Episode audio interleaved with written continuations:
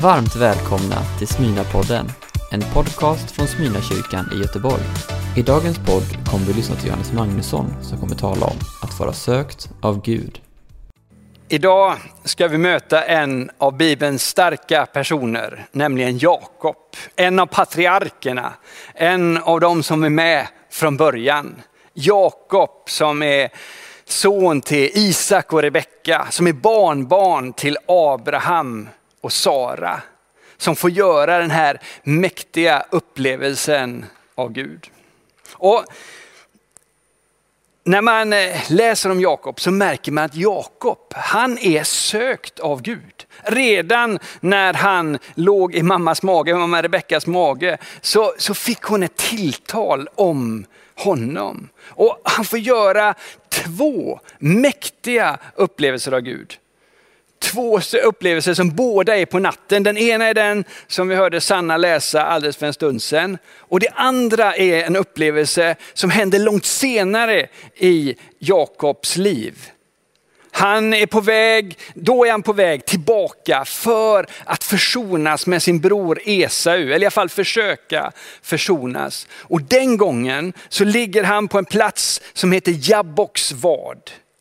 Och så när han då ska sova där på natten så kommer det en man och börjar brottas med honom. Och, och man förstår så småningom av texten att den här mannen är Gud. Och det är en brottning som pågår hela natten. Och, och, till slut när det börjar bli morgon så säger den här mannen, släpp mig. Det börjar bli ljust. Men Jakob håller fast, han håller kvar i brottningen och säger, jag släpper dig inte med mindre än att du välsignar mig. Och Den här mannen frågar, vad är ditt namn? Han säger det är Jakob. Och sen, ditt namn ska inte längre vara Jakob, utan det ska vara Israel. För du har kämpat med Gud och med människor och du har segrat. Och han får ett nytt namn.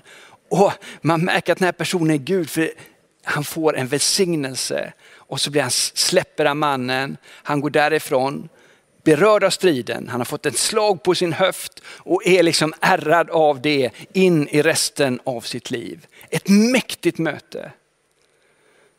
Det har han varit med om. Han, men det, man ser i det här mötet, och det är det som är intressant, det är att det är inte han som kommer till Gud, utan Gud som söker upp honom. Han är sökt av Gud. Och detta är extra intressant för, för Jakob är eh, en person som inte bara är känd för att vara en bra människa. Jakob är känd för att vara något av en lurendrejare. Han har lurat, eller i alla fall manipulerat sin bror. Han har lurat sin far och han, man får det på sig, han lurar sin morbror som heter Laban. I och för sig ska jag till Jakobs försvar säga att Laban lurade honom först, så det var väl lite grann eh, tillbaka där. Men, men Jakob har ett antal brister i sin karaktär och i sin personlighet. Så här har vi Jakob. Eh, vad är det då som har hänt precis innan det som Sanna läste? Jo, han har ju, det gjort det här, att han har manipulerat eller lurat sin bror. Hans bror Esau som var förstfödd och som var den som skulle föra ätten vidare, den som ska ligga före. En dag kommer Esau hem, är jättehungrig och Jakob säger, ja du kan få eh, mat här om du ger mig din förstfödslorätt. Alltså att du sätter mig före dig. Och Esau är på något sätt så hungrig så att han bara tar det där, tänker inte efter. Och det står faktiskt till och med som en liten kommentar att Esau inte satte sin förstfödslorätt så högt. Men på det sättet så den yngre brodern manipulerar till sig den förstfödslorätten på sin äldre broders bekostnad. Och lite senare sen så, så eh, är det så att Jakob eh, när Isak är på väg, hans far är på väg att dö, så Isak säger nu Esau är det dags att välsigna, lämna över välsignelsen, ge dig det som ska vara för framtiden. Och Esau ger sig ut för att jaga, för att göra en måltid till, till Isak och, och förbereda allt det där. Och, eh, under tiden så förbereder Jakob en måltid med ett lamm. Han klär på sig så han ska se ut som Esau, tar Esaus kläder, eh, klär på sig, för Esau var tydligen en hårig man. Eh, så han tar på sig skinn och grejer på, på armarna för att lura sin nästan blinde far. Och han får den välsignelse som egentligen Esau skulle ha fått. Och tydligen så är den här välsignelsen oåterkallelig. Så när Esau kommer hem så blir han oerhört besviken. Och han säger att när bara min pappa har dött, då ska jag döda Jakob. Mamman Rebecka, hon ser till att tala med, med Isak och säger, det är nog bäst vi skickar iväg Jakob så han kan hitta sig en hustru någon annanstans. Kan vi inte skicka honom till min morbror Laban? Och Isak går med på detta. Jakob får då dra sig iväg för att klara sig undan sin bror. Skickas iväg till sin morbror Laban. Och, och Laban finns eh, i ett, eh, på ett ställe som heter Paddan Aram. Det ligger inne i nuvarande Syrien. Och, och där de befinner sig, eh, Isak och Jakob och hela familjen, är Beersheva. Det är södra Israel nära Egypten. Så det är en ganska lång vandring som Jakob ska ge sig ut på. Genom hela Israel, upp genom Libanon och sen in i Syrien till Paddan Aram. Så han beger sig på den här resan och när han kommer till staden Lus, den ligger lite norr om Jerusalem, så lägger han sig där för att sova. Och då måste vi påminna oss om, vad var det som Jakob befann sig? Ja, han var på flykt från sin bror. Han hade lurat sin far. Han hade lurat att få till sig en, en välsignelse eller en, liksom en förstfödslorätt. Som han nu egentligen inte hade fått ut något av, utan ensam, utan den här förstfödslorätten, utan de rikedomar som den innebar. Så var han där ensam på vägen mot eh, Paddan Aram. Han eh, har inte sin familjs trygghet. På den här tiden fanns det inga stater och länder på det sättet, utan det var stammen, det var familjens trygghet. Han befinner sig mellan tryggheter, utan trygghet. Han vet inte om han någonsin ska kunna återvända på grund av sin arga bror. Han är på flykt, han är ensam och, och han går igenom svår smärta kan man bara ana.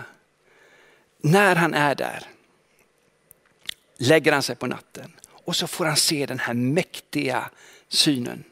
En trappa som kommer från himlen med änglar som går upp och ner hela eh, tiden. Och ur detta så talar Herren till honom och säger, jag är den som har välsignat din far och din farfar. Jag vill välsigna dig. Du skall få komma tillbaka hit. Du skall eh, få med om att ditt folk får befolka den här platsen. Jag kommer vara med dig vart du än går, vart du än är på väg. Jag kommer aldrig att överge dig. Och man ska komma ihåg, alltså, på den här tiden så tänkte man att Gud var lokal. Gud, det fanns olika gudar för olika platser. En gud för den platsen, en gud för den platsen. Och man, när man krigar mot varandra så, så var det som att, att din gud var starkare eller min gud var starkare. Eh. Och när man rörde sig till en ny plats så var det nya gudar, nya människor, nya sammanhang. Tanken som kommer fram i Bibeln är att Gud är en. Bibelns Gud är en över hela världen. Gud den högste, den som är, står över allt och alla, finns på alla platser. Men det här, när det kom, var en revolutionerande tanke. En omskakande tanke som, som ingen hade tänkt innan. Och det verkar som att Jakob inte heller fullt ut hade tagit till sig den tanken. För när han vaknar på morgonen så har varit med om den här mäktiga drömmen en välsignelse Gud. Jag ska inte överge dig. Jag går med dig. Jag kommer välsigna dig vart du än går. Så är han tagen. Det står att han bävade. Och, och, han tar stenen där han har sovit mot och bygger som en sten och, och, och som en helig plats. Och så säger han, den här platsen ska inte längre heta Lus som betyder mandelträ. Den ska heta Betel som betyder Guds hus. För här, Herren är här. Men jag visste det inte.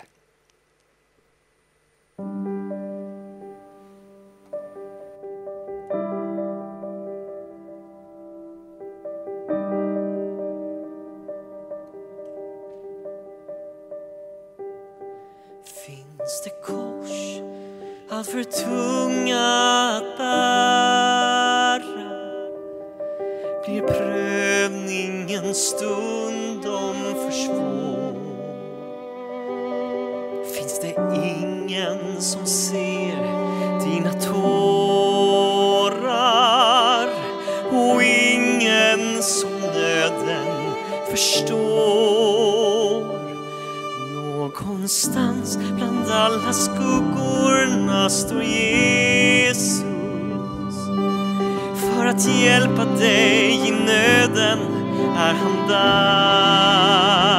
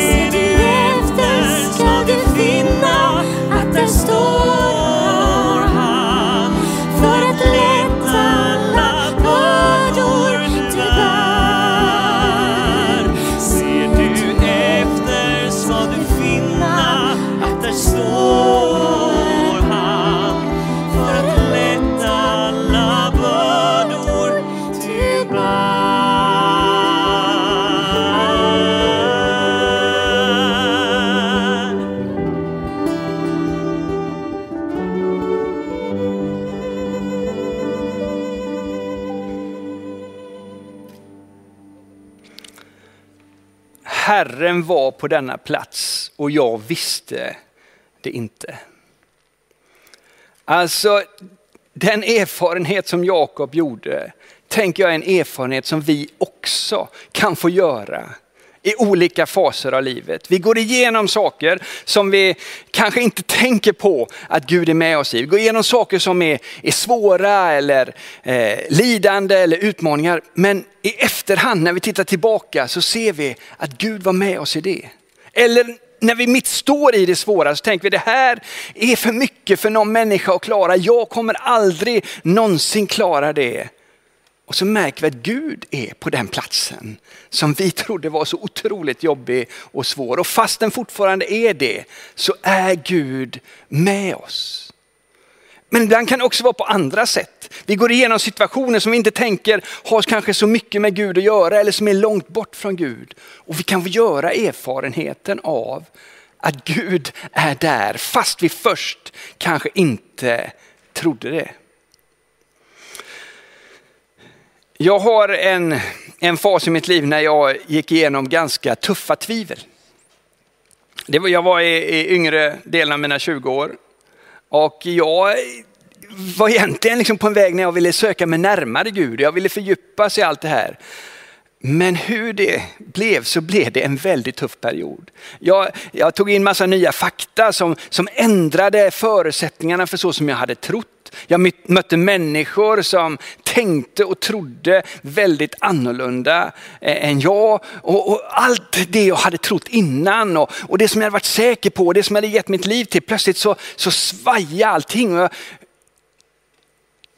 tänkte att det här tar ju mig bort från Gud. Jag vill till Gud men jag är på väg bort från Gud. Det här är dåligt, det här är destruktivt, det här är inte rätt väg. Och jag har faktiskt ingen sån här given betelsten när den, det var slut och då slutade det och då var den perioden slut och jag gick glad och, och lycklig därur. Utan jag måste nog mer säga att det var som av en process. Att, att plötsligt så, så ändrade saker, det blev stabilare, jag hittade, hittade nya vägar och, och, och en fördjupad tro. Dock hade jag några vad ska man säga, milstolpar, några händelser som ändå var viktiga i den tiden när det kändes som jag tvivlade på nästan allting. Och, jag vet att vid ett tillfälle så var jag och besökte den här kommuniteten i, i Frankrike, Tessé. Eh, vi var ju där, det var ju en massa ungdomar, enkla sånger, lite bibelstudier och, och, och liksom, ja, men det är ett tillfälle att, att söka Gud på, på ett lite annorlunda sätt kanske än, än vad i alla fall jag var van vid. Och då var det sådana undervisningstillfällen och det var munkar, det är en ekumenisk kommunitet så det är både eh, katolska och, lutherska munkar och sådär. Eh, och så var det lite undervisning och efter undervisningen så vill jag ju ställa alla mina frågor och hur det här med Bibeln och gamla testamentet, alltså allt som jag tyckte då var svårt. Och den här munken sa bara, jag, jag hinner inte nu men kom till mig på, på eh, gudstjänsten sen ikväll så kan du komma fram till mig och då kan vi prata lite mer om det. Ja, tänkte jag. Och sen var det ju den här gudstjänsten. Eh, ni vet enkla sånger man sjöng och liksom mycket tid för tystnad och stillhet och bön. Och på slutet då så var det tillfälle för förbön eller man kunde gå fram, de här munkarna hade placerat ut sig i den här stora kyrkan som var. Och jag gick fram till den här, här munken då med mina frågor. Jag insåg att det här är ju eh, lite mer av ett förbönstillfälle. Jag ville ju diskutera saker med honom. Jag ville ju få massa fakta. Jag ville att han skulle ställa det till rätta som jag tyckte var svårt eller vad det nu var. Så jag börjar i alla fall, jag bryr mig inte om eh, att det är fel sammanhang, eller jag tycker det. Så jag börjar med mina eh, frågor om gamla testamentet, hur får man ihop alla de här märkligheterna och hemskheterna i gamla testamentet. Då. Det är en liten kö efter mig också med folk andra som vill ha, ha förbön där. Va? Och den här munken, jag, jag, vet inte om han hade nog ingen riktig liksom sån här eh, vi ska ta, ta människor på ett fint och snällt sätt, utan han liksom bara suckar ganska högt så här bara. Det var, här var liksom mina djupa frågor. Han suckar ganska djupt. Och sen, ja, nej men du, det här kan man ju absolut tänka på, det här kan man vända och vrida på. Ungefär, han sa ungefär så här i alla fall. Men, sa han, du vet allt det här med gamla testamentet, det är ju egentligen bara förhistorien till Jesus, sa han. Och sen var ju liksom kön lång, så sa han, ja, då kan jag be för dig. Och så bad han. Och jag hade ju massa mer frågor. Jag gick därifrån. Men ändå var det som någonting hände i mig. Ändå blev det som lite av en milstolpe. För jag hade ändå öppnat mig. Jag hade sagt allt det här tycker jag är svårt. Han hade gett mig en liten ögonöppnare, även om han långt ifrån hade svarat på alla mina frågor, så hade han ändå gett mig någon typ av nytt perspektiv. Ja, men det är en förhistoria till Jesus, det är Jesus där det är det viktiga på något sätt. Och sen hade han bett för mig, enkel kort bön. Och jag gick därifrån lättad. Och det var ändå ett av de här stegen som jag ser i mitt liv och speciellt nu i efterhand. Ur den här perioden av tvivel och jag kände mig långt från Gud var liksom ett steg åt rätt håll. När jag nu tittar tillbaka på den perioden, när jag nu tittar tillbaka på hur den formar min tro och hur den liksom vände och vred i mig och hur, hur allt de jobbiga sakerna men också det som fördjupar fördjupades och landade i mitt liv så kan jag utan tvekan säga att Herren var där hela tiden. Och jag kanske inte visste det, men Herren var där hela tiden. Och nu i efterhand, jag skulle aldrig någonsin vilja vara utan det och det som det har gjort med mig och gett mig för framtiden. Ibland när saker och ting är svårt, när saker och ting känns långt bort från Gud, så kan det faktiskt vara så att Herren är närmare än vi tror, utan att vi vet det. Det kan också vara på andra områden. Det kan ju vara områden när, när, som man också har i sitt liv där man inte tänker är så härligt för Gud att röra sig. Det kan vara att man, man brottas med destruktiva mönster, med synd, med saker som inte är så fräscht i sitt liv. Och tänker det här är ingenting jag är stolt över, det här skäms jag över, det här, har ingen, det här vill jag liksom hålla borta. Det här är liksom för mörkt, jag, jag ska bara jobba bort detta lite grann så att jag kan komma lite fräschare till kyrkan, komma lite eh, ärligare mot Gud, söka Bibeln. Jag ska bara jobba bort det där lite grann, eller hur man nu tänker. Men grejen är ju den, att det finns inget mörker. Hur mycket du än skäms för det du står i, hur, hur misslyckad du än känner dig, hur många människor du än har sårat eller vad du nu har solkat ner dig själv med. Det finns inget mörker som är så mörkt att inte Herren är där. Det är liksom hela grejen. Han kommer till oss där vi är och vill givetvis hjälpa oss ur detta. Men tro inte att du ska behöva klara av mörkret själv. Tro inte att du ska lösa allting med någon typ av självhjälpsmetoder. Utan man kan också få bjuda in Herren där. Där man inte tycker att han passar, där man egentligen skäms. Och Herren möter oss också där. En annan aspekt av detta med att Herren finns på platser där vi först kanske inte har tänkt. Och det, det, har du säkert varit med om. Ibland kan man ju möta människor eller man kan hamna i sammanhang och de kanske inte alls är pingstvänner eller kristna ens. Eh, och ändå märker man, här är det ju liksom något mäktigt som pågår. Här finns det, liksom, Gud är här på något sätt. Det här är ju eh, hur mäktigt stort som helst. Och det är egentligen inte så konstigt. Och det handlar inte om att inte de här människorna kanske behöver lära känna Jesus, för alla behöver lära känna Jesus. Men det är inte så konstigt för att det är faktiskt så, det läser vi redan på Bibelns första blad, att alla människor är skapade till Guds avbild. Alla människor har en glimt av Gud i sig. Så i ett möte med en människa, i ett sammanhang, i en familj man kan hamna i, så kan man ändå ana att och tänka, men här är ju Gud också.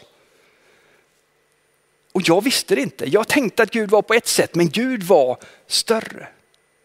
Och det som Jakob får med om, och det är det som man får med om själv lite grann då också, är nämligen att ens bild av Gud, hur man har tänkt sig Gud, förstoras, öppnas upp, blir mer, blir större. Han var också på den platsen, han var också med i det lidandet, han var i den sammanhanget. Det är inte bara, eh, eller det är inte så att vi Gud följer oss där vi rör oss runt och han är med oss, utan Gud har varit där innan. Det är vi som följer Gud. Gud finns där innan. Vår bild av Gud får förstoras hela tiden. Gud är större än vad någon av oss kan tänka ut. Så det som, som Jakob är med om, eh, och, och det är kanske ingen av oss som, som tänker precis så som, som han, nämligen att, att gudar var lokala. Vi, vi tänker nog mer att Gud finns överallt.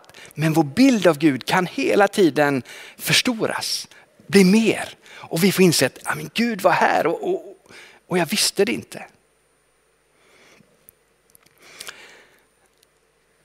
Intressant med Jakob är ju det som jag nämnde förut. Att Jakob var sökt av Gud. Att det var, eh, liksom händelserna verkar liksom, Gud verkar ha sökt upp honom på olika sätt. Och detta trots att han inte var världens bästa människa.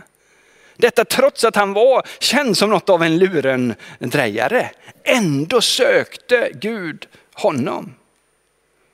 Jag tänker att det är också någonting för oss att ta till sig som en uppmuntran. Att Gud, på samma sätt som Gud sökte den på, på många sätt misslyckade Jakob, på samma sätt söker Gud oss. På samma sätt söker Gud dig.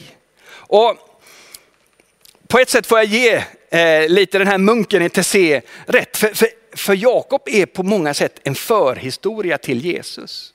Och, och berättelsen om Jakob som är sökt av Gud är också är en förhistoria av kärnan i evangeliet, kärnan i berättelsen om Jesus. Som handlar om att Jesus kom till vår värld för att söka oss. Han, det handlar om att han kommer till oss. Det är inte vi som, som måste söka oss upp till Gud och, och liksom klättra upp, utan han kommer till oss och blir Gud för oss. Och när Jesus på olika sätt ska förklara Gud, så, så använder han ofta bilder och berättelser av en Gud som söker.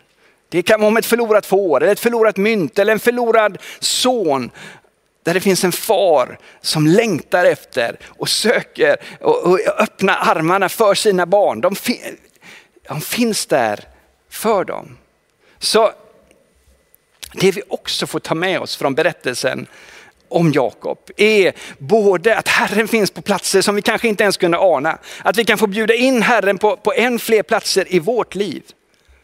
Men att Gud är också den som söker oss. Som söker dig. Du kanske har känt honom en gång och gått ifrån. Du kanske har känt honom en tiden men känner långt borta. Du kanske aldrig någonsin har känt honom. Han söker dig. Det finns en öppen famn, du kan vända dig till honom. Detta är min hälsning till dig idag. Vi ber en bön tillsammans. Herre, tack att du är den som söker. Tack att du går före oss och du finns på platser, i sammanhang som vi kanske inte har tänkt ut innan, som vi inte har anat, men du är större än vad vi tänker. Du är större än vad vi anar. Och tack att det är så. Och tack att till och med i de svåra situationerna, till och med när det är jobbigt och kämpigt, där finns du. Och att vi får alltid komma till dig. Och vi kan alltid vända oss till dig. Tack att det är så. I Jesu namn. Amen. Du har lyssnat på en predikan från Smyrnakyrkan i Göteborg. Hjärtligt välkommen att lyssna igen eller besöka Smyrnakyrkan. Gud välsigne dig och din vecka.